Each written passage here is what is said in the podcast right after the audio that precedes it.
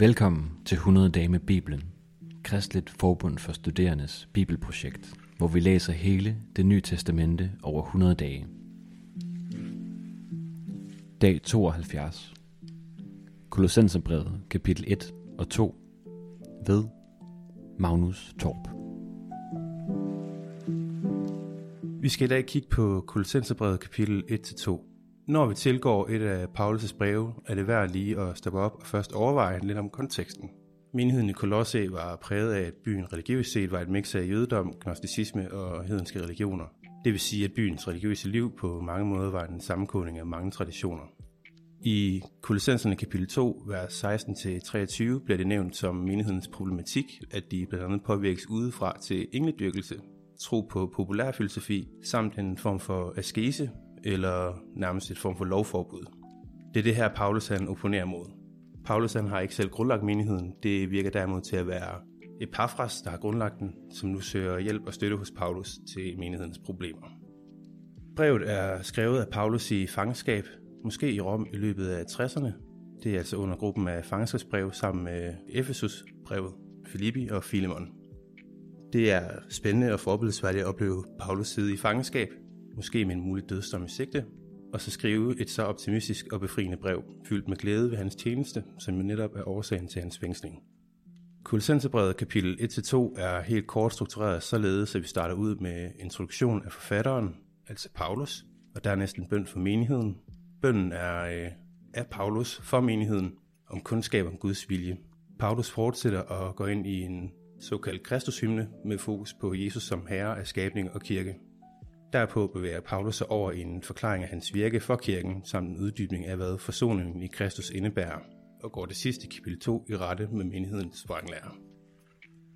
Jeg bemærker først bønden i Kolossenserbrevet kapitel 1, vers 9-11, hvor Paulus han beder for menigheden. Det bliver med formuleringen må få kundskab øh, for mig tydeligt, at der er tale om en bøn om, at menigheden må give sådan en gave af Gud til at kende hans vilje, Videre går Paulus ind og forklarer i bøn, hvad den kundskab så skal tjene til, navnlig at leve som Herren vil det. Det er altså tale om en gave, vi får givet, så vi kan leve på en måde, der gør Gud glad. Men øh, festen den stopper altså ikke her. Paulus han fortsætter med at bede om, at menigheden må bære frugt med alle gode gerninger.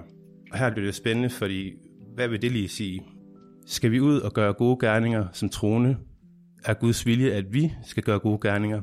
Eller er frugten, at det er blive kristen, at man gør gode gerninger? Mit bud er nok, at der er tale om det sidstnævnte. Paulus han går i sin bøn op ad en taksonomisk trappe, kan man nærmest sige, hvor han ligesom går fra, at man ikke kender Gud, til at man erkender ham, og så fra at erkende ham til ligesom en fuld erkendelse. Og så sidst fra, at du erkender fuldt ud, til at den her erkendelse så ligesom giver sit naturlige afkast, altså frugt, simpelthen lige med gode gerninger. Givetvis kan de her gode gerninger også opstå løbende i den erkendelsesproces. Vi bevæger os videre til Kolossenserbrevet kapitel 1, vers 12-23, hvor vi har øh, en Kristushymne. Har det virkelig gået i. For det første lægger jeg mærke til vægtlægningen på, at Jesus er både ophav, middel og mål. I vers 16 står der, i ham, ved ham og til ham. Der ligger det her sådan en mulig front mod samtidens idealer om guder og magter og deres relation til hinanden – Jødedommen skilte ud fra sin tid ved at påstå, at Gud han var en og skaberen af alt. Ikke som i samtidens religioner, hvor et monster besejres og orden skabes af en Gud blandt mange. Og ikke som i græsk mytologi, hvor Gaia, altså jorden, opstår af kaos og føder Uranus, altså himlen. Nej, Gud han er almægtig, og han er alene, og det er vigtigt. Og for samtidens mennesker er det her skidevis en rimelig sindsoprivende.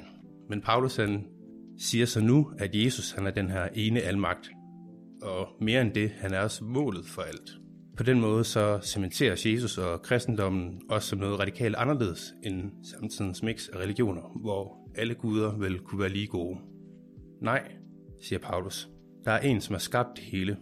Han er ikke lige med naturen, som i retning af det en historiker vil sige. Han er over naturen. Han er ikke lige med andre entiteter, som politismen vil mene. Nej, han er fuldstændig hævet over dem. Det er en samtale, jeg også ser relevant i dag, hvor vi i stigende grad oplever en form for relativisme i forhold til vores trosgrundlag. Du må tro, hvad du vil. Det vil lige så fint som alle andres tro, så længe den ikke skader folk, at udsagnet er stødt på før. Og her til Paulus altså så sige nej. Og det må vi så også kunne sige i dag. Efter dette lægger jeg mærke til vers 18-20, som sammenlagt med kapitel 2, vers 6-15, uddyber for mig, hvad forsoningen er. Ved troen på Jesus som ophav, middel og mål for alt, gives muligheden for at dø med ham i dåben. At Jesus han er den første født af de døde, markerer indledningen på vores tid, hvor vi i dåben dør og genopstår med ham. Den første fødte af de døde. I kapitel 2 går Paulus langt med at sige, at vores skældsbevis er fjernet, og magterne og myndighederne er besejret. Paulus omtaler det her som et triumftog, og der har nok været et romersk triumftog i tankerne hos den oprindelige læser. Det romerske triumftog bestod blandt andet af en parade, hvor den besejrede fjende og hans landspiller blev ført gennem byen i lænker, og på forskellige vis ydmyget, ofte med hån fra tilskuere, for på den måde at vise Roms overlegne magt i forhold til den tilfangetagende fjende. Med Kristi vandring gennem Jerusalem ved korsfæstelsen førte Jesus dine og mine synder gennem byen under hån og spot, og netop fordi Jesus i den her handling tager vores synder på sig, bliver det samtidig også hans triumftog. Det er altså skæbnen for vores synd, at den skal blive besejret og forhånet, som taber en krig i kraft af Jesus. Hvis du har lyst til at følge vores læseplan, eller har lyst til at støtte vores arbejde med at formidle Bibelen, så gå ind på kfs.dk-100-dage, eller følg linket i episodebeskrivelsen. Tak, fordi du lytter med.